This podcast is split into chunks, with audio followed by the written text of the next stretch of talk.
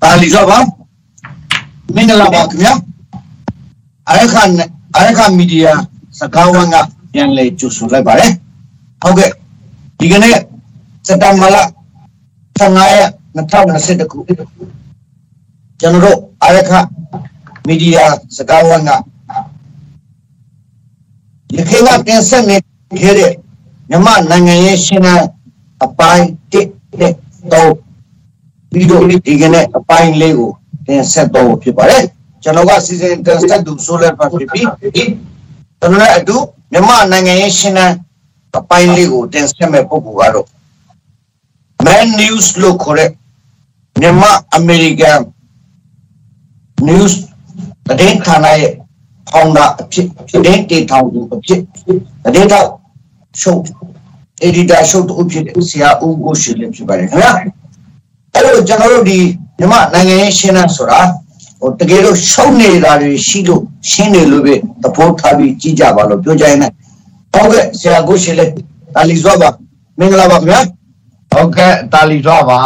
အားလုံးမင်္ဂလာပါခင်ဗျကျွန်တော်ကိုရှယ်လေးပါဟုတ်ကဲ့ဆရာကိုရှိလေခင်ဗျာအဲ့တော့ဒီမြန်မာနိုင်ငံရေးရှင်းတဲ့အပိုင်းလေးအနေနဲ့ ကျွန်တော်စတင်ပြီးတော့မေးချင်တာကဒီကုလသမဂ္ဂကိုယ်စားလှယ်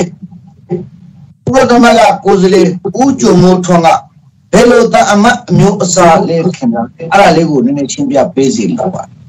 နိုင်ငံတနိုင်ငံအဖွဲ့အစည်းတစ်ခုရဲ့ဟို representative ဖြစ်တဲ့ကိုယ်စားလှယ်ဦးဆိုတော့အဲ့ဒီကိုယ်စားလှယ်ဦးကျော်မိုးကျော်မင်းကျော်မိုးထွန်းကဘယ်လိုတအမတ်အမျိုးအစားမှာပါဝင်ပါလဲခင်ဗျာအဲ့ဒါလေးနဲ့ကျွန်တော်တို့စကားဝိုင်းကိုဆက်လိုက်အောင်ပါ ဟုတ်ကဲ့အခုကုလသမဂ္ဂမှာတာဝန်ထမ်းဆောင်နေတဲ့ဥကြုံမိုးထောဟာဘယ်လိုတာမတ်မျိုးစားလဲဆိုတာသူကတာမတ်တယောက်ကိုခန့်အပ်တဲ့ကုလသမဂ္ဂမှာသူရဲ့ protocol လို့ခေါ်တဲ့ကုလသမဂ္ဂရဲ့လုံထုံးလုံနည်းနဲ့အညီလက်ခံဆောင်ရွက်ခွင့်ရှိသောတာမတ်မျိုးစားအဲ့ဒီအမျိုးစားဟာဘာကြောင့်ဖြစ်ရတယ်လဲဆိုတော့နိုင်ငံတစ်နိုင်ငံမှာလူထုကတောင်းဆိုလို့ ရွေးကောက်ပွဲမဟုတ်သေးဘူးအစိုးရမရှိဘူးပေါ့ဗျာဆိုလိုချင်တာလူထုကတောင်းဆိုလို့ရုတ်တရက်ယာယီအစိုးရဖွဲ့လိုက်တယ်သို့တော်ဒီအစိုးရဟာလူထုတောင်းဆိုမှုနဲ့ခိတ္တပေါ်ပေါက်လာရရင်တောင်မှအဲ့ဒီအစိုးရကနေပြီးတော့နိုင်ငံတကာတန်တမန်ရေးရာကိစ္စများကိုမိမိနိုင်ငံ၏အကျိုးစီးပွားနဲ့တန်းတူရည်တူဆောင်ရွက်နိုင်ဖို့ကုလသမဂ္ဂကိုစေလွှတ်ခံရတဲ့တာအမတ်မျိုးကိုလည်းအဲဆိုနိုင်တယ် နံပါတ်1ကနိုင်ငံတစ်ခုမှာဒီမိုကရေစီပဲဖြစ်ဖြစ်ဆိုရှယ်လက်ပဲဖြစ်ဖြစ်ရွေးကောက်ပွဲတစ်ခုကနေပြီးတော့ဆုံးဖြတ်ချက်အရရွေးကောက်ပွဲရလဒ်အရဖြစ်ပေါ်လာတဲ့အစိုးရတက်ကစေလွှတ်လိုက်ရင်လေတာဝန်ထမ်းဆောင်ခွင့်ရှိတဲ့တရားအောက်ဝင်တာမန်ဖြစ်တယ်လို့နိုင်ငံတစ်နိုင်ငံမှာအခြေခံဥပဒေအရ အခြေခံဥပဒေအရပေါ်ပေါက်လာတဲ့ဒီအစိုးရတရက်ကနေပြီးတော့စီလွတ်လိုက်ရင်လေကုလသမဂ္ဂကနေပြီးတော့လက်ခံဆောင်ရွက်ရတယ် protocol ambassador လို့ခေါ်ပါတယ် protocol ambassador ဆိုတာကုလသမဂ္ဂကတန်အမတ်တယောက်ကိုမြည်တော့တရားဝင်လက်ခံရမယ်ဆိုတဲ့လုံထုံးလုံနည်းစီးနင်းပေါင်တင်တိုင်းညီအောင်တစ်ဖက်လာရောက်ပြီးတော့ ကလေးပြုဆောင်ရွက်မဲ့တန်တမန်ကလည်းဒီလုံထုံးလုံနည်းတွေနဲ့ကိုက်ညီအကြောင်းတရားတွေနဲ့ရောက်ရှိလာတဲ့သူကို protocol ambassador လို့ခေါ်ပါတယ်ခင်ဗျာဒါဟာဦးကျော်မိုးထွန်းဟာဘယ်လို ambassador လဲလို့မေးရင် protocol ambassador ဖြစ်ပါတယ်ဟုတ်ကဲ့ပါအာဟုတ်ကဲ့ ကျေးဇူးတင်ပါတယ်အခုလိုဖြေချပေးတော့တယ်ဟုတ်ကဲ့အဲ့တော့ကျွန်တော်တို့ဒီကိုယ်စလေကပ္ပကုလသမဂ္ဂကိုယ်စလေဘူးဒီအမ်ဘတ်ဆာလို့ခေါ်တဲ့ဒီဦးဂျုံမောထွန်းရဲ့အကြောင်းကိုပြောချပေးတော့တယ်အထူးကျေးဇူးတင်ပါတယ်ပြီးတော့ကျွန်တော်တို့ဒီသိကျင်တာတခုကမြန်မာနိုင်ငံကိုဦးစားပြုမဲ့အစိုးရတရက်အဲ့လိုကိုယ်စလေအဖြစ်ဦးစားပြုထောင်ရမဲ့တာအမတ်နှစ်ဦးတို့အမ်ဘတ်ဆာနှစ်ဦးကိုနှစ်ဖက် တော့နှစ်ဖက်အစိုးရဆိုပြီးနာမည်ဖြစ်နေရတယ်အဲ့တော့တာအမတ်နှစ်ဦးရဲ့အရေးအရှင်းတွေကပြည့်နိုင်ပါလေလားခင်ဗျအဲ့ဒါလေးကိုအချင်းတွေဖြေချပေးကြပါလားဟုတ်ကဲ့အခုကတော့ကျွန်တော်ဒီကိစ္စကိုအာမနာတန်ပြောတော့မှာဖြစ်ပါတယ်ဒီကျွန်တော်ပြောတဲ့အခြေအနေတွေကိုနားထောင်နေပြီးတော့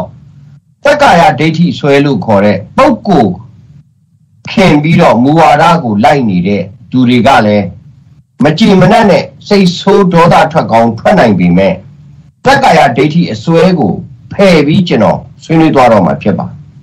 ဟုတ်ကဲ့နည်းနည်းလေးတော့ကျွန်တော်အချိန်ပေးရမှာဖြစ်တယ်နံပါတ်1ဥကြော်မိုးထွန်းရဲ့ site ကိုကျွန်တော်ပထမပြောတဲ့ protocol ambassador လို့ကျွန်တော်ပြောခဲ့တယ်အဲကုလသမဂ္ဂလုံထုံးလုံနီးနဲ့အညီရောက်ရှိ၍နော်တာဝန်လာထမ်းဆောင်သောတန်အမတ်လို့အဓိပ္ပာယ်ထွက်ပေမဲ့တစ်ဖက်ကလည်း အခုညီလာခံမှာရောက်ရှိလာတဲ့တန်အမတ်တွေဟာလည်းကုလသမဂ္ဂလုံထုံးလုံနီးနဲ့အညီရှိချင်းမရှိချင်းဒါတွေကိုကျွန်တော်နှစ်ဖက်စလုံးကိုရှင်းနေပြီးတော့ဖော်ပြပေးသွားမှာဖြစ်ပါတယ်။ဦးကျော်မိုးထွန်းကိစ္စကတော့အားလုံးရှင်းပါတယ်။2015ခုနှစ်နိုဝင်ဘာလ10ရက်နေ့မှာရွေးခဲ့တဲ့မြန်မာနိုင်ငံကပါတီစုံဒီမိုကရေစီအထွေထွေရွေးကောက်ပွဲကရရှိလာတဲ့ရလဒ်နဲ့ဖြစ်ပေါ်လာတဲ့ဒေါ်အောင်ဆန်းစုကြည်အဲ့ဒီ အဲအစိုးရဒေါ်အောင်ဆန်းစုကြည်ဥဆောင်တဲ့အစိုးရက2008အခြေခံဥပဒေဘုလသမဂ္ဂကလည်းဒီဥပဒေကိုကျွန်တော်စကလုံးအရင်ရှင်းပါတယ်နော်2008အခြေခံဥပဒေဤဥပဒေကိုလည်းကုလသမဂ္ဂကလက်ခံ၍ကျင်းပခဲ့သောရွေးကောက်ပွဲရလဒ်နဲ့ပတ်သက်ပြီးဖြစ်ပေါ်လာသောအစိုးရတက်ကနေခန့်အပ်ထားတဲ့ တာမတ်ဖြစ်ပါတယ်သူရှိရတော့ဥဟောက်ထူဆန်းရှိပါတယ်ပြီးတော့ဥဟောက်ထူဆန်းကိုပြန်ခေါ်လိုက်တယ်ဟုတ်ကဲ့ပြီးတော့ဥထုံမိုးထုံးကိုကျွန်တော်နေ့တွေရက်တွေဒိတ်တွေဆိုရင်များရှုပ်နေမှာမှားမှာဥဟောက်ထူဆန်းပြီးတော့ကဲဦးကျော်မိုးထွန်းကိုမြန်မာနိုင်ငံဆိုင်ရာကုလသမဂ္ဂတာအမတ်ကြီးအဖြစ်နဲ့ဒေါ်အောင်ဆန်းစုကြည်အစိုးရကခန့်အပ်ခဲ့တယ်ကျွန်တော်စကလုံးထပ်ပြောအောင်မယ်နော်မှားသွားရင်ပုဂ္ဂိုလ်ဆွဲတွေရှိနေရင် အချိန်မီပုဂ္ဂိုလ်ဆွဲခြင်းမဆွဲခြင်းပုံနားလည်နိုင်မှုအတွက်ကျွန်တော်ထပ်ပြောနေတာဖြစ်ပါတယ်ဦးကျော်မိုးထွန်းကိုဒေါ်အောင်ဆန်းစုကြည်ဦးဆောင်တော့အစိုးရကခန့်အပ်ခဲ့ပါတယ်နော်โอเคဒါဆိုရင်ရှင်းပြီထင်တယ် ဒါဆိုရင်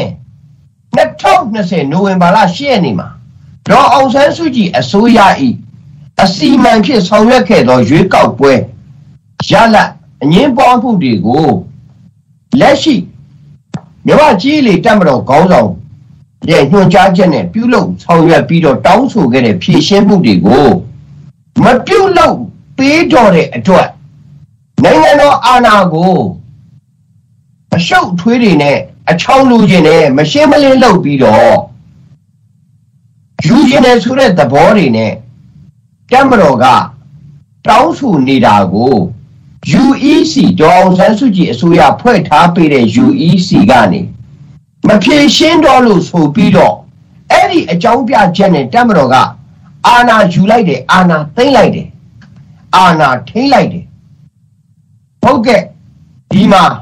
ပထမတစ်ဆင့်ကဥကြုံမှုထွန်းဟာဒေါ်အောင်ဆန်းစုကြည်အစိုးရခန့်အပ်ထားသောတာအမတ်ဖြစ်ပါတယ်လို့ကျွန်တော်ပွတ်ပွတ်လင်းလင်းပြောခဲ့ပြီး အာနာသိမ့်လိုက်သည်အာနာထိမ့်လိုက်သည်ဆိုတဲ့နောက်ပိုင်းမှာလဲဥကြုံမှုထွန်းဟာဖေဖော်ဝါရီလ10ရက်နေ့မှာကုလသမဂ္ဂမှာဆောက်ပြုလုပ်တဲ့ plenary meal uh, plenary ဒီ plenary meeting လို့ခေါ်တဲ့သဘောထားမှတ်ချက်ပြုရေးဆိုင်ရာအစည်းအဝေးမှာအာနာသိန်းတာကိုသူလက်မခံဘူးသူဟာဒေါ်အောင်ဆန်းစုကြည်ရဲ့ဒီတမရာကြီးဦးဝင်းမြင့်သူရဲ့အစိုးရရဲ့တာအမတ်ဖြစ်တဲ့အတွက်ဒါပဲအတီဖြစ်ပါတယ်လို့သူပြောတယ် ဦးကျော်ထောဟာတန်တမန်ရေးရရကလိန်တကျစ်နဲ့အောက်တန်းစားတယောက်ဖြစ်တယ်ဆိုတာကိုနောက်ပိုင်းကျွန်တော်ရှင်းပြပါတန်တမန်အရေးချင်းမပြည့်မိတာကိုလည်းကျွန်တော်ပြောပြပါတန်တမန်ဆိုတာဟာတတိုင်းပြည်လုံးရဲ့လူတွေလေးစားလိုက်နာပြီးအတူယူရလောက်မဲ့လူမျိုးဖြစ်ဖို့လိုအပ်ပါတယ်သူ့ကိုခန့်အပ်ခဲ့တာဒေါ်အောင်ဆန်းစုကြည်အစိုးရဖြစ်ပါတယ် သူအာဏာသိမ်းတဲ့အချိန်မှာလဲဒီအာဏာယူတယ်စစ်တပ်ကအာဏာကိုထိန်းလိုက်တယ်သိမ်းလိုက်တာကိုလက်မခံဘူးလို့လဲဒီကုလသမဂ္ဂရဲ့ plenary meeting မှာသူပြောခဲ့ပါတယ် CRPH မတ်လမှာပေါ်လာတဲ့အချိန်မှာသူဟာ CRPH ကိုယ်စားလှယ်ဆိုပြီးတော့ဒေါ်အောင်ဆန်းစုကြည်အစိုးရဟာထိမ့်သိမ်းခံထားရတဲ့အချိန်မှာချက်ချင်း သူ့ရဲ့မူရေးခန့်အပ်ထားတဲ့အစိုးရရဲ့ညွှန်ကြားချက်မပါပဲအခွင့်အလမ်းတစ်ခုအခြေအနေတစ်ခုကိုရရှိဖို့အတွက်ခုံကူးလိုက်တဲ့မြောက်လွှဲကျော်တန်အမတ်ဖြစ်နေတာကိုတွေ့ရပါဒါကိုပုဂ္ဂိုလ်ဇွဲသမားတွေကတော့ကျွန်တော်ကိုဘိုးရှေအရန်ပြောနေတယ်ဆိုရင်လာခဲ့ပါမြန်မာနိုင်ငံရုပ်ပြက်ဆင်းပြက်ဖြစ်အောင်လုပ်တာ ဒီမြောက်လွှဲကျော်လို့ကျွန်တော်ပြောနိုင်သူ့ရဲ့တန်အမတ်ယာဒူးကိုခန့်အပ်တာဒေါ်အောင်ဆန်းစုကြည်အစိုးရဖြစ်ပါတယ်ဒေါ်အောင်ဆန်းစုကြည်အစိုးရဟာသူ့ဘာသာသူထိမ့်သိမ်းခံရသည့်ဈေးကားမှုသူဟာဒေါ်အောင်ဆန်းစုကြည်အစိုးရတရက်လုံးရဲ့ကိုယ်စားလှယ်တာအမတ်ဖြစ်ပါတယ် NUG တွေ CRPH တွေကိုဒေါ်အောင်ဆန်းစုကြည်အစိုးရကနေ သူ့ကိုတရားဝင်ပြန်ရုပ်သိမ်းလိုက်မှသာလျှင်သူဆောင်ရွက်ခွင့်ရှိတာကိုဗမာတနိုင်ငံလုံးကမျက်မမြင်နားကန်းအတဲ့အနေနဲ့ဒါကြီးကိုဝိုင်းအော်နေတာကူကဦးကျော်မိုးထွန်းရဲ့ကိုကျင့်တရားတန်တမန်တယောက်မိမိရဲ့မူရင်းအစိုးရပေါ်မှာလိုက်နာရမယ်ဝတ္တရားကိုဖောက်ဖျက်နေတဲ့ကလေးကဝတယောက်ဖြစ်တယ်လို့ကျွန်တော်ပြောနိုင်တယ် ဒါဥကြော်မိုးထွန်းဘက်ဆိုင်ပါဒါဆိုရင်ခင်ဗျားကဥကြော်မိုးထွန်းဘက်ဆိုင်ကိုဒေါ်အောင်ဆန်းစုကြည်အစိုးရဒါလျင်သူအသိမှတ်ပြုတ်ထားတဲ့အတွက်ဒီအစိုးရပဲနိုင်ငံတကာကလက်ခံအောင်စူးစမ်းရမှာသူတာဝန်ဖြစ်ပါတယ်။ NUG ကိုအစိုးရဖြစ်ဖို့ CRPH ကိုအတိမတ်ပြုဖို့စူးစမ်းတာဟာသူဟာသစ္စာပေါက်တယောက်ဖြစ်တယ်ဆိုတာကိုဒါတန်တမန်ရဲ့ကျင့်ဝတ်နဲ့ကျွန်တော်တိုင်းရှင်ပြီးပြောနိုင်ပါတယ် ကျွန်တော်ကြိတ်တယ်လို့စိတ်ခေါ်ပါဒီတိုင်းကျွန်တော်ပြောမယ်သို့တော့ဒေါ်အောင်ဆန်းစုကြည်ကကျမတို့အစိုးရကနေဥကြော်မိုးထွန်းကို NUG နဲ့ CRPH လုပ်ငန်းများကိုဆောင်ရွက်ရန်ဘုရားသမဂတန်တမန်အဖြစ်ဆောင်ရွက်နိုင်ပြီဆိုပြီးတော့စာထုတ်ခဲ့ရင်တော့ဒါဥကြော်မိုးထွန်းလုပ်ပိုင်ခွင့်ရှိပါတယ်ဒီလိုသူလုပ်လိုက်တဲ့ပြုတ်အပြုတ်အမှုဟာကျွန်တော်တို့တိုင်းပြည်ရဲ့တန်ခင်းတမန်ခင်းနဲ့ တန်တမန်ရေးရာနဲ့ပတ်သက်ပြီးလေးလာလိုက်စားပြီးတော့အားကျဆောင်ရွက်လာမဲ့လူငယ်တွေကိုအစိတ်ဆေးဖော်လိုက်တဲ့အစိတ်ဆရာကြီးဖြစ်နေတာကိုကျွန်တော်တွေ့ရပါတယ်။ကိုကျင့်တရားဖောက်ဖျက်တဲ့တန်တမန်တယောက်မိမိရဲ့အစိုးရတရက်အပေါ်မှာမိမိကိုခန့်အပ်ထားတဲ့ NLD အစိုးရတရက်ပေါ်မှာသစ္စာမရှိတဲ့အောက်တန်းစားတန်တမန်တယောက်ဖြစ်တယ်လို့ကျွန်တော်ပြောနိုင်ပါဒါနံပါတ်1ပါဒါဆိုရင် တစ်ဖက်ကအာဏာသိမ်းထားတဲ့စစ်တပ်ဘက်ကစီလွှတ်လိုက်တဲ့တန်တမန်ကရောဖျားလောင်းဒီလားလို့မေးရင် no ပါကျွန်တော်ပြောနိုင်တာဟာဒီမှာလဲကျွန်တော်ထပ်ရှင်းပြတော့မယ်တမတော်ဟာ2008အခြေခံဥပဒေနဲ့အာဏာသိမ်းတယ်လို့ဆိုပါတယ်2008အခြေခံဥပဒေမှာနိုင်ငံတော်တမရကိုယ်တိုင်တမရယာဒူးကိုမစွန့်တော့ပဲ ရွေးကောက်ပွဲဝင်ခဲ့တာဒီကျွန်တော်တို့တွေ့တယ်ဓာရီကိုလည်းတမတော်ကထောက်ဒါထောက်ပြပြီးတော့ဗောဗျာဒါတွေကိုဖြည့်ရှင်းခိုင်းတဲ့အချိန်မှာမဖြည့်ရှင်းလို့အာဏာသိမ်းလိုက်တယ်လို့ဆိုတယ်အာဏာယူလိုက်တယ်လို့ဆိုတယ်သို့တော့ဘုကြောင့်မူကြီးမင်းအောင်လှိုင်ရဲ့လက်ရှိတမတော်စစ်ကောင်းဆောင်တူရဲ့သိမ်ဖြစ်အောက်တန်းကြတဲ့အလုပ်ရက်ကတော့ဘ ပါဇက်နဲ့အာနာသိမ့်ပြီးပုံမှန်တွေလိုက်ရွတ်ပြပြီးတော့လူတွေကိုပုံမှန်နဲ့သူ့ရဲ့6လက်မရှာနဲ့6ပေလောက်ရှိတဲ့လူတွေကိုထိန်းချုပ်နေတာဖြစ်တယ်သူဟာတရားဝင်မှုသူတရားဝင်ခြင်းရင်သူလောက်ရမှာကသူအာနာကိုဒီအကြောင်းဒီအကြောင်းကြောင့်2008အခြေခံဥပဒေနဲ့ယူခဲ့ရင်တော်မှ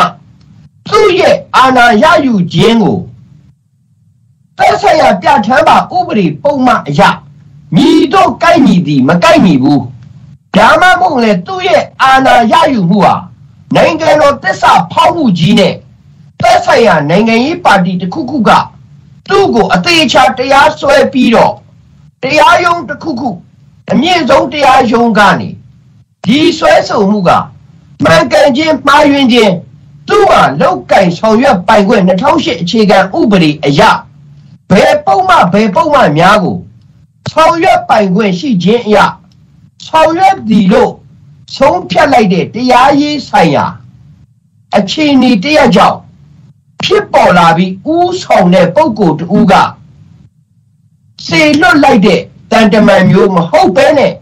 6လက်မရှာနဲ့6ပေလောက်ရှိတဲ့လူတွေကိုစေလွတ်လိုက်တဲ့ပုံစံမျိုးနဲ့ကုလသမဂ္ဂကိုလာပြီးတော့ ညီလာခံတက်ရောက်တာလဲတရားဝင်ပါဘူးလို့ကျွန်တော်ပြောနိုင်ပါတယ်ဒါကြောင့်မြန်မာနိုင်ငံရဲ့ပြဿနာဟာမန်တိုင်းကြီး300မှာနိုင်ငံတော်ကာကွယ်ရေးနိုင်ငံတော်အုပ်ချုပ်ရေးနဲ့တရားဥပဒေဒီဥပဒေပိုင်းဆိုင်ရာတရားစီရင်ခန္ဓာမှာဘုံချုပ်မှုကြီးမင်းအောင်လှိုင်ဟာရွေးကောက်ပွဲကိုတမရယာဒူး စုံလဲမစုံလို့ဘူးဝယ်လဲမဝင်မနဲ့ရှိနေတဲ့ဥမြင့်ဆွေဟာအခြေခံဥပဒေအခန်း3မှာပြဋ္ဌာန်းထားတဲ့တမရများလိုက်နာရမယ်စီးမြင်အတိုင်းနေခဲ့တဲ့အတွက်နောက်ဆုံးသူသားလင်တမရဆိုပြီးတော့ဘုံချုပ်မှုကြီးမင်းအောင်လှိုင်ကိုဒုတ်ထုံးလုံးကြီးလွှဲအပ်လိုက်ပေမဲ့ဘုံချုပ်မှုကြီးမင်းအောင်လှိုင်မှာအုတ်ချုပ်ရေးဆိုင်ရာအခွင့်အာဏာရခဲ့တော်ညာလဲပဲ ဒါပေမဲ့နောက်ထပ်ချိန်ထားတဲ့မန်တိုင်တစ်ခုဖြစ်တဲ့တရားစီရင်ရေးဆိုင်ရာကိုကလကလုံးဝချပြီးတော့အခုလိုရှားတစ်ချောင်းနဲ့လူပေါင်းမြောက်များစွာကိုတန်အမတ်ခတ်လိုက်ဂူလာသမဂကိုစေလွှတ်လိုက်အဲ့ဒီလိုဖြစ်နေတာကလည်းတရားမဝင်ပါဘူးလို့ပဲကျွန်တော်ပြောနိုင်ပါဒါတန်အမတ်နှစ်ဖက်စလုံးရဲ့အရေးချင်းပါ ဥကြော်မိုးထွန်းကတော့သူ့ကိုခတ်ထားတဲ့အစိုးရရဲ့ရုပ်သိမ်းခြင်းတာဝန်ကနေရက်စဲခြင်းဓမ္မမဟုတ်ရင်လေအခုသူတို့ပြောနေတဲ့ NUG နဲ့ CRPH ဒီအဖွဲ့တွေအတွက်နိုင်ငံကိုစားပြုဖို့တာဝန်ထမ်းဆောင်နိုင်ရန်သူ့ကိုဆက်လက်တာဝန်အနှင်းခြင်းမရှိဘဲနဲ့ကို NLD အစိုးရရဲ့ဖြစ်တည်မှုကိုပြက်ပြားသွားအောင် တန်တမန်တယောက်အနေနဲ့တန်တမန်နေကြည့်ရမယ်အသစ်ကိုချိုးဖောက်ခဲ့တဲ့အောက်တန်းစားတယောက်သာဖြစ်တယ်လို့ကျွန်တော်ပြောနိုင်တယ်သူလောက်ရမှာ NLD အစိုးရသာလေတရားဝင်နေတယ်လို့သူလောက်ရမှာအခုကတော့ NUG ကိုတရားဝင်အောင်တွားလုပ်နေသူနဲ့မွေးတာကပူးဖြူနဲ့မွေးပြီးတော့ဦးမဲကိုအဖေခေါ်နေတာသူပြဿနာဒါပဲ ဘာလို့ဦးမဲကအလုံးနေအပြားတွေအတုံးတွေအတစ်တွေပေးတာလည်းရှိမှာပေါ့ဗျာဟုတ်ကဲ့ဟုတ်ကဲ့ဘရောကိုချုပ်ထွေးပြီးတော့ဘာဥပဒေကိုချုပ်ပြပါဒါရသူတို့ကိုစိတ်မကောင်းဘူးအဲတနိုင်ငံဘာနိုင်ငံရဲ့ဂုဏ်သိက္ခာနိုင်ငံတနိုင်ငံရဲ့ image တွေနိုင်ငံတနိုင်ငံရဲ့ပုံရိပ်တွေသူတို့ကို justin ပေါ်စေဖြစ်ပြနေပါ ဒါကတမိုင်းတွေပါအခုကျွန်တော်တို့ကိုတချို့တလေကတော့ဟိုအတင်းပြိုးနေလို့ထင်ပါပဲဒါတကယ်တကယ်ဖြစ်ရမှန်တွေဖြစ်တယ်ဒီလောက်အဆက်ကြကြပိုင်ပိုင်နိုင်နိုင်လိုက်ကိုခောက်ဆက်ဆက်ပြောပေါ်ပေးခဲ့တဲ့ဆရာဘူးကြီးလို့ကျေးဇူးတင်ပါတယ်ခင်ဗျာအဲဒီလိုနိုင်ငံနိုင်ငံရဲ့ကိုယ်စားလှယ်ဖွဲ့စည်းတစ်ခုရဲ့ကိုယ်စားလှယ်တွေကိုဖြစ်ကတတ်စားဆွေးခိုခါစေဘ ဆုံးဖြတ်တဲ့စီရင်ချက်တွေဟာကျွန်တော်တို့မသိတဲ့မြန်မာနိုင်ငံထဲမှာခက်အဆက်ဆက်ကလေးကဒီနေ့ထိဘယ်လောက်ထိရှိနေမလဲအဲ့ဒါတွေကသူတို့ကိုတွေးလို့စရာဖြစ်တာဖြစ်တာကျွန်တော်တို့ပြည်သူတွေကတော့ဘာမှမသိဘူးအဲ့လိုဆရာဟိုဒါဆိုရင်နောက်ပိုင်းမှာရောဘာတွေဆက်ဖြစ်နိုင်လဲဆရာအဲ့လိုဆက်ပြောဒီတိုင်းပြောနေတယ်ဆိုရင်ဟုတ်ကဲ့ကျွန်တော်ပြောနိုင်တာဒေါက်တာစိန်ဝင်းသူ့ရဲ့သူထောင်ပေးတဲ့ DVB ကိုခိုးသွားတဲ့ ကဘာကျော်မီဒီယာတခိုးတယောက်နဲ့အင်တာဗျူးတယ်ဘယ်မီဒီယာကိုကျွန်တော်ရည်ညွှန်းတယ်လဲဆိုတာကိုပို့ထားတဲ့တခိုးကဒီ live မှာဝင်ကြည့်နေတယ်ခုနကကျွန်တော်တွေ့လိုက်တယ်အဲ့တခိုးသူကိုယ်တိုင်သိတယ်သူဒေါက်တာစိန်ဝင်းထူထောင်ပေးတဲ့မီဒီယာကြီးတစ်ခုလုံးကိုအေးတင်းများတိုက်လိုက်တာဒါဒေါက်တာစိန်ဝင်းဗမာပြည်ကိုသွားတဲ့အချိန်မှာသူအေးဒီမြတိုက်ထားတဲ့သူ့ရဲ့ဓမြမျက်နှာကို မိတ်ကပ်တစ်ခုလိမ့်ပြီးတော့ဒေါက်တာစိန်ဝင်းနဲ့အင်တာဗျူးမှာဆရာဒေါက်တာစိန်ဝင်းနဲ့သူစကားပြောတဲ့အခန်းကအရက်အရေးကြီးတယ်။ဘာလို့ကျွန်တော်တို့ရဲ့88ဖြတ်တန်းမှုတွေမှာဓာရီဟာထဲထဲဝင်ဝင်ကျွန်တော်တို့ကိုယ်တိုင်လည်းရင်ဆိုင်လာရတာမို့လို့ဒေါက်တာစိန်ဝင်းကသူတို့လည်းအစိုးရဖွဲ့ခဲ့တယ်အဲ့ဒီဖွဲ့ခဲ့တဲ့အစိုးရမှာဒေါက်တာစိန်ဝင်းတို့ကရွေးချယ်ခံရတဲ့အစိုးရတွေဖြစ်တယ် ပုဂ္ဂိုလ်တွေဖြစ်တယ်ပေါ့ဒီပုဂ္ဂိုလ်တွေထဲနဲ့အခြားသောပညာရှင်များပူးပေါင်းဆောင်ရွက်ပြီးဖွဲ့စည်းခဲ့တယ်သို့တော့သူတို့နိုင်ငံတကာအသိမှတ်ပြုဖို့အခြေအနေကိုအကြမ်းဖက်မှုကိုလုံးဝလက်မခံဘူးဘလောက်တောင်ဒေါက်တာစိန်ဝင်းတို့တင်းတင်းကြပ်ကြပ်ကိုဖြစ်ခဲ့လဲဆိုရင်တန်ယုံရှိမှာတန်ယုံရဲ့တကားဝပိတ်ပြီးစန္ဒပြမှုကိုတောင်မှဒေါက်တာစိန်ဝင်းတို့က တန်ယုံရဲ့တကားဝရှိမှာတကားဖွင့်ပြီးတော့တန်တမန်များဝင်ထွက်ခွင့်မရှိအောင်ဆန္ဒပြရင်တောင်မှဒါဟာအတင်းကျပ်အကြမ်းဖက်မှုကိုရောက်စေနိုင်တယ်ဆိုပြီးတော့ကျွန်တော်တို့ဖြတ်တန်းတဲ့နိုင်ငံတကာတန်ယုံတွေရှိရဲ့တိုက်ပွဲတွေကိုသူတို့မထောက်ခံခဲ့ဘူးသူတို့မထောက်ခံခဲ့ရခြင်းအကြောင်းရင်းဟာဒေါက်တာစိန်ဝင်းဟာဒီအကြမ်းဖက်မှုတွေကိုရှောင်လွှဲကျင်တာရောအ ပိုင်းတစ်ပိုင်းပါသလိုနိုင်ငံတကာကသူတို့ကြည့်မြင်မဲ့ image ပုံရိပ်မှာ parallel government ရှင်ပြိုင်အစိုးရတရက်အနေနဲ့ဒါမှမဟုတ်လေအဝေးရောက်အစိုးရတရက်အနေနဲ့ဆောင်ရွက်တဲ့နေရာမှာတန်တမန်နီလန်ပီပီပြင်းပြင်းနဲ့ငင်းငင်းကြမ်းကြမ်းဆောင်ရွက်တယ်ဆိုတဲ့ standard တစ်ခုကိုလိုချင်လို့သူလို့လောက်ခဲ့ရပါတယ်လို့အဲ့ဒီခုနက DBB ကိုအေးတမြတိုက်သွားတဲ့တခိုးနဲ့အင်တာဗျူးမှာ ဒေါက်တာစိန်ဝင်းပြောခဲ့တာရှိပါတယ်ဒါနံပါတ်1ပါနံပါတ်2သူတို့ကိုနိုင်ငံတကာကအသိမှတ်ပြုဖို့အတွက်အခြေခံဥပဒေတရက်အကြီးအကျယ်လိုအပ်နေတယ်လို့ဒေါက်တာစိန်ဝင်းဝေါ်ခံခဲ့ပါတယ်ဒါဆိုရင်ခဏ NUG မှာလူတယောက်ရေးတဲ့အထူးသဖြင့်ဒေါက်တာစလိုင်းစာလျံမုံခေါင်ညမှာအိမ်မက်မက်ပြီးမနဲ့တထရေးတဲ့ပရိညင်နဲ့အစိုးရဖွဲ့ခဲ့တာဖြစ်တယ် လူတယောက်ရေးထားတဲ့ဥစ္စာဟာနံပါတ်1ညီလာခံလည်းမရှိသလိုနံပါတ်2ဒီဥစ္စာဟာကြိုတင်အားလုံးကိုဖြဲဝေပြီးတော့မှအားလုံးရဲ့သဘောထားကိုကောက်ခံပြီးတော့အတီးပြုတ်ခဲ့တဲ့ NUG ရဲ့ပြည်ညင်စာတဲ့လည်းမဟုတ်တဲ့အတွက်လူတယောက်ညအိမ်မက်မက်ပြီးသူဖြစ်ချင်တာတွေကိုတစ်ချိန်တော့ तू ကစစ်တပ်နဲ့ပေါင်းခဲ့တဲ့ကောင်နော်ကျွန်တော်ပွင့်ပွင့်လင်းလင်းနေပြောနေတာ ဒေါက်တာစလိုင်းစာလျံမုံခေါင်ဆိုတာရခိုင်စစ်ပွဲမှာ CNF တီကနေပြီးတော့စစ်တပ်နဲ့ပေါင်းပြီးရခိုင်ပြည်ကိုဝင်တိုက်မယ်လို့ကြေညာခဲ့တဲ့ကောင်တွေဗျဒါကျွန်တော်ကျွန်တော်ထောက်ပြတာငင်းစမ်းပါဒီ statement တွေကျွန်တော်တို့မှာရှိတယ်ဆိုတော့ဒီလိုသစ္စာပေါက်လောက်ကောင်တွေကညကိုအိမ်မက်မက်ပြီးမနက်ကိုထရေးတဲ့ဥစ္စာဟာပြိညင်စာတန်းဖြစ်ရရောသလားဗျာ ကျွန်တော်ပွတ်ပွတ်လေကျွန်တော်ကျွန်တော်ရှင်းတယ်ကိုယ်တမိုင်းကိုရှင်းဖို့လိုတယ်ကျွန်တော်တို့တမိုင်းကျွန်တော်တို့ရှင်းရတယ်ဟုတ်ကဲ့ဟုတ်ကဲ့ဒါတစ်ချက်ပေါ့ဆိုတော့ကျွန်တော်ဒီမှာပြောတော့မယ်အခြေခံဥပဒေတရားလည်းမရှိဘူးအကျန်းလည်းဖတ်နေတယ်ဒလန်ဆိုပြီးတတ်နေတယ်ဖုန်းကြီးပါအတတ်ခံနေရတယ်ပြောချင်တာအရန်ရုပ်ဆိုးနေပြီဒလန်ဆိုပြီးတော့တတ်လောက်အောင် ဘလောက်ကြီးမားတဲ့အပြစ်ရှိနေလို့လဲဆိုတဲ့ဥစ္စာကိုခုနတက္ကရာဒိဋ္ဌိဇွဲတွေနဲ့ကျွန်တော်အောက်မှာဝင်ဆဲကောင်းဆဲပြီမဲ့နိုင်ငံတကာတရားစီရင်ရေးလူအခွင့်အရေးဆိုင်ရာရှုမြင်သုံးသပ်မှုပုံစံမှာတော့အကြမ်းဖက်သမားဖြစ်နေတယ်လို့ကျွန်တော် NUG ကိုတိတိကျကျရဲရဲဝံ့ဝံ့ပြောရတယ်နိုင်ငံနိုင်ငံမှာတရားဥပဒေရှုထောက်ကလူအခွင့်အရေးရှုထောက်က လူတယောက်ကိုသေတံချမယ်ဆိုတဲ့အမိတ်ကသူ့ရဲ့ကျူးလွန်ထားတဲ့ပုံစံတော်တော်ကြီးကို very serious crime ဖြစ်နေလို့မှသာလျှင်တစ်ဖက်က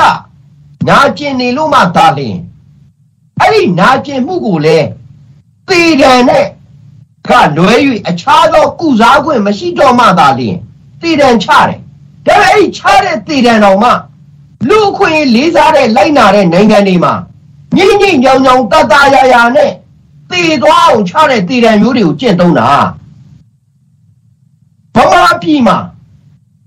အိတ်နေတဲ့ဂရင်အောက်ကိုမနေ့ကမန္တလေးမှာလက်ပစ်ဘုံပစ်ထည့်ပြီးတကူလုံးကြည်မှားအောင်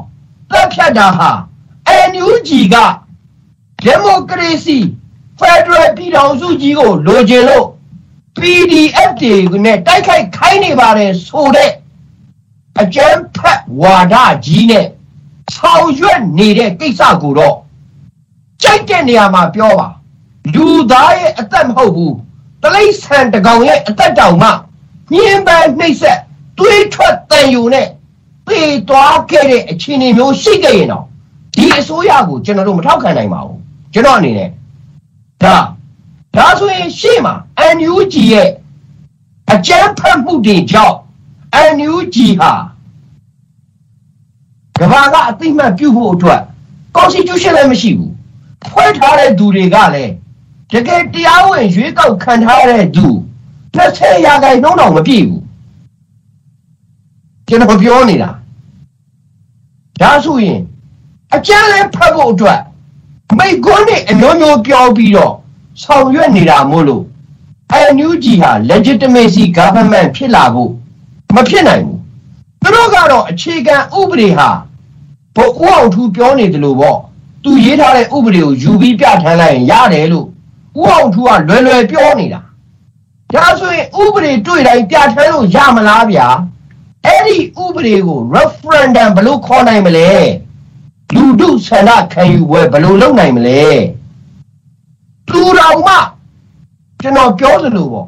မဲဆောက်ကဒဇက်မိတ်အောက်မှာခိုနေရတာလိပ်စာတော့မပြနိုင်ရဲတဲ့ပြဿနာဖြစ်နေတာဒါသူ့ပိုင်းဒါဆိုရင်အနာဂတ်မှာ NUG ရဲ့လက်ရှိအကြမ်းဖက်မှုတွေဟာမင်းအောင်လှိုင်တို့ကပါပါနက်နက်နဲ့ပုံဖော်တတ်ခဲ့ရင်အตาကြီးရနိုင်သို့တော့ဘုံမင်းအောင်လှိုင်တို့ဘက်ကိုလည်းကျွန်တော်ပြန်သွားပါမယ်အ ကြမ်းဖက်မှုနဲ့ဆောင်ရွက်လာတဲ့လူကိုဖမ်းမိတဲ့အချိန်မှာရိုက်တာရှိမယ်နှက်တာရှိမယ်စစ်ဆေးရင်သိသွားတယ်ဒါတွေကိုလည်းကျွန်တော်တို့တွေ့ရတယ်ဒါတွေကကုတ်တော့ကွန်တက်တွေကိုသူလည်းချိုးဖောက်နေတာဖြစ်တယ်ပြီးတော့ဒီလူ9ယောက်ကိုဖမ်းလိုက်ပါတယ်ယထာပေါ်မှာဒီလူတွေကပြစ်ခတ်တပ်ဖြတ်လို့ဖမ်းပါတယ်ရဲတွေကိုပြစ်ခတ်သွားလို့ဖမ်းပါတယ်ဒါပေမဲ့သူ့ဘာသာသူ လွန်ခဲ့တဲ့နှစ်ပေါင်း60လောက်ကပြောချင်တာက digital revolution ဒီ digital တိုက် revolution media တွေမပေါ်ခင်က analog ပုံစံမျိုးနဲ့ power 400လောက်ရှိတဲ့မှန်ဘလူးကြီးနဲ့သူတို့ပြတဲ့ပုံကိုကျွန်တော်ကြည့်တော့မရှင်းဘူးဖြစ်နေသဘောကအဲ့လောက်ထိညံ့ပြင်းနေတဲ့အခြေအနေမျိုးတွေလည်းတွေ့ရတယ်လို့ဒီလူတွေကတကယ်ဟုတ်တယ်မဟုတ်ဘူးဆိုတာကို ဘယ်တန်တမန်ဒီထဲမှာပေးမတွေ့ပဲနဲ့သူတို့ဘာသာသူတို့စစ်ပြီးတော့သူတို့ဘာသာသူတို့ဓာတ်ပုံရိုက်ပြီးသူတို့ဘာသာသူတို့ခုနပုံပုံဝါဝါသတင်းတွေကိုကြီးညာပြီးတော့ဝါရဖြန့်နေတဲ့အခြေအနေမျိုးကိုကျွန်တော်တွေ့ရတယ်ဒါဆိုရင်နှစ်ဖက်စလုံးက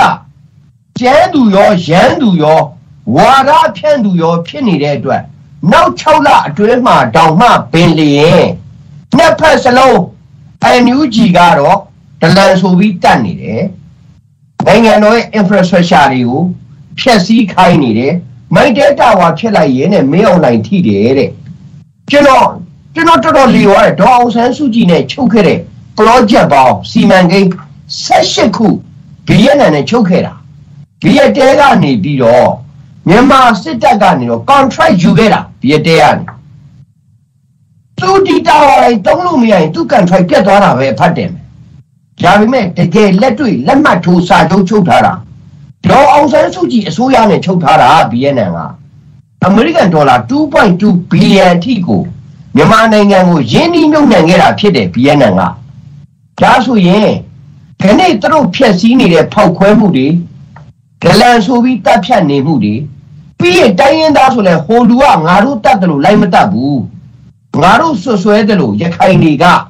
သူတို့နေမြေထဲမှာရှိနေတဲ့ကျောင်းဆရာတွေဆရာမတွေစီဒီအမ်မလုပ်တဲ့လူတွေကိုမဆွဆွဲတဲ့အတွက်မင်းတို့ဟာ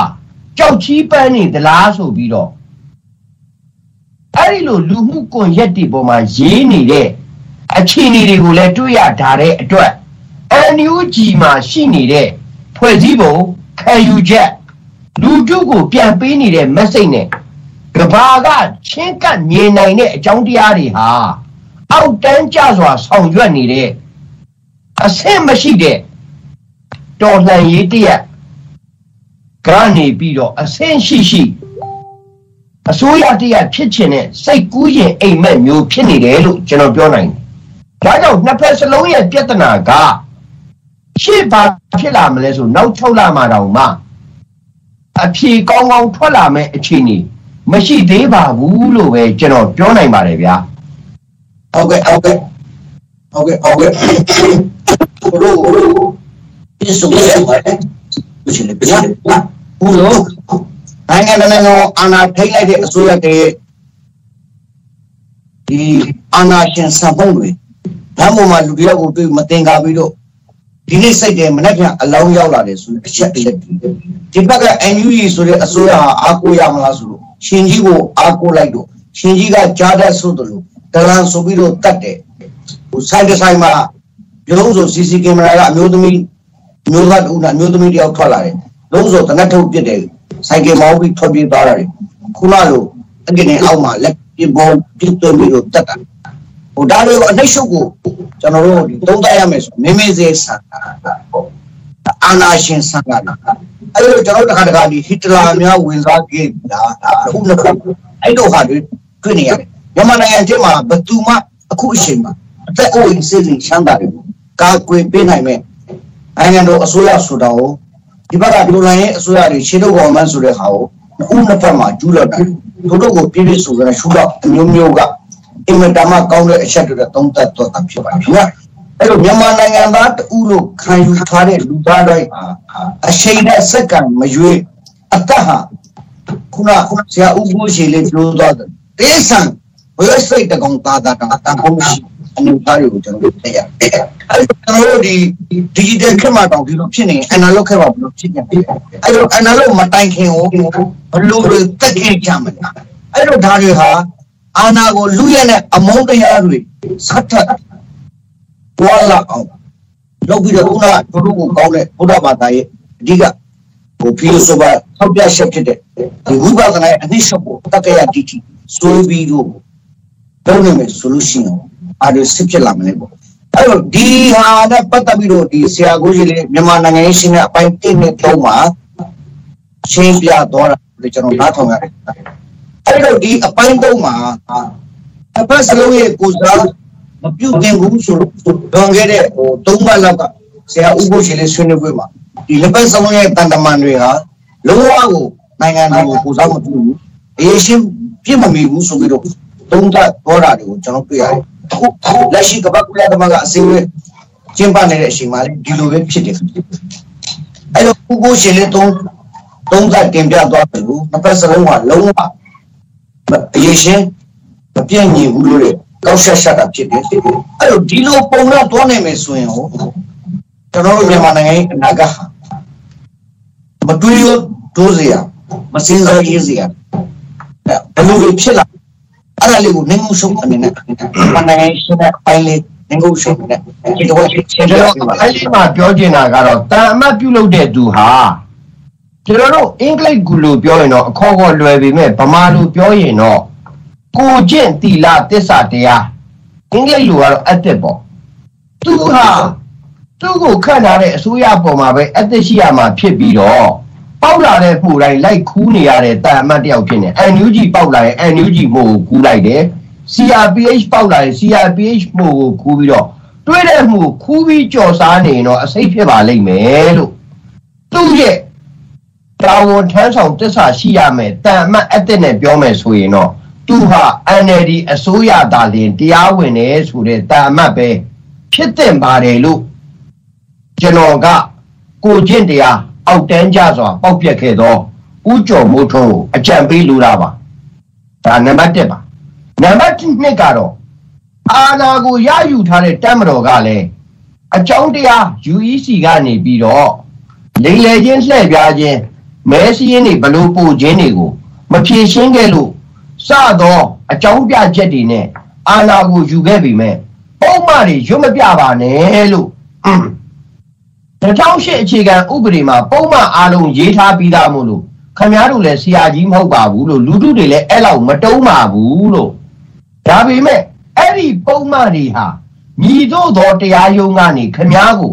လောက်ကင်ဆောင်ရွက်ခွင့်ပြုတာလဲဆိုတာကိုခမည်းတရားစွဲဆိုခံပြီးတော့ဖြေရှင်းပြီးတော့မှ ခမည်းရဲ့လုတ်ပိုင်ခွင့်ကိုယူကြည့်စမ်းပါလို့အကြံပေးခြင်းပါတယ်ဒါဆိုရင်မြမနိုင်ငံရေးအနာဂတ်ဟာတစ်ဖက်ကအသစ်ချိုးဖောက်တဲ့အဖွဲ့အစည်းနဲ့တစ်ဖက်ကဥပဒေကိုမသုံးမဲ့ရှာတစ်ချောင်းပဲသုံးနေတဲ့အဖွဲ့အစည်းကြောင့်ရေနေငါအမိမဲ့သားလို့မျက်နှာငယ်ကြရအောင်မယ်လို့ပြောရင်းနဲ့ကျွန်တော်တို့အပိုင်းငါးကိုလာမဲ့အနာဂတ်မကြခင်မှာဆက်လက် တင်ပြဆွေးနွေးကြအောင်လားခင်ဗျာဟုတ်ကဲ့သူပဲကျေးဇူးတင်ပါတယ်ထူတော်ဘောင်းဆောင်ကလည်းပြည့်စုံတယ်ဒီတမမဒီတဖို့ကိုနဲ့လူအသက်တို့တန်ဖိုးမထားပဲတက်ဖြတ်နေတာတွေအမုန်းတရားတွေကကြီးစိုးရေးကိုဥတည်နေတဲ့နိုင်ငံရေးကစားကွက်တွေအာဏာရှင်ခွင့်ရှာမငြိမ်ပဲမြန်မာပြည်သူတွေကိုဒီဘက်ကဒလန်ပြောလိုက်ဒီဘက်က PDF တပ်ဖွဲ့ဝင်တွေနဲ့အဆက်အသွယ်ရှိတွေပြောလိုက်နဲ့နင်းမြညပြောက်အသက်ကသွေးချောင်း ဘလောက်စီးနေပုံလဲအဲ့လိုမြန်မာနိုင်ငံမြေပုံပေါ်မှာမချောက်တဲ့တဲ့သွေးတွေပတ်ပတ်လေးဝမ်းနေတဲ့တိုင်းရင်းသားဒေသတွေမှာငိုတန်တွေခမင်းချမ်းခေတောင်မှနတ်မအောင်မစားရတဲ့ပြည်သူတွေဘာပညာရေးဘာလူမှုရေးဘာလူအခွင့်အရေးတိုင်းတိုင်းနဲ့မှနိုင်တာလို့မရတဲ့အခွင့်အရေးရှုပ်ပေါက်မှုအမျိုးသမီးတွေကိုကားအိမ်တွေကိုဆိုကားတဲ့ဖိနှိုက်မှုတွေလက်ကရပြုမှုတွေနဲ့ရှုပ်နေတဲ့မြန်မာနိုင်ငံရဲ့အရှုပ်တို့ကို ရှင်းတဲ့အပိုင်းငါကိုမကြခင်အရကမီဒီယာကဆက်ထုတ်လွှင့်သွားဖို့ဖြစ်ပါတယ်ဆိုတာအကြောင်းကိုပြောကြရင်အခုလိုမအားလက်တဲ့ဂျာတွေက man news လို့ခေါ်တဲ့မြန်မာအမေရိကန် news ဌာနရဲ့သတင်းဖောင်ဒါတူဖြစ်တဲ့ editor တူဖြစ်တဲ့ဆရာကူကိုရှိလေးကိုသူကျေးဇူးတင်ပါတယ်ပြောကြရင်လည်းကျွန်တော်အရခမီဒီယာစကားဝန်ကိုနံပါတ်၄ကိုဒီလောက်နဲ့နေလို့ရှုပ်ပါတယ်မင်္ဂလာပါ ဥပ္ပဒေကျေးဇူးတင်ပါတယ်ဟုတ်ကဲ့အားလုံးကျေးဇူးတင်ပါတယ်နားထောင်နေကြတဲ့ပြည်သူပြည်သားအပေါင်းတို့လည်းဘေးပရာကင်းဝေးပြီးကျမ်းမာရင်ချမ်းသာခြင်းနဲ့ရှင်လန်းသောဖွံ့ဖြိုးတိုးတက်သောဘေးဥပအန္တရာယ်မရှိသောအနာဂတ်တစ်ခုကိုရရှိပိုင်ဆိုင်ကြပါစေခင်ဗျာ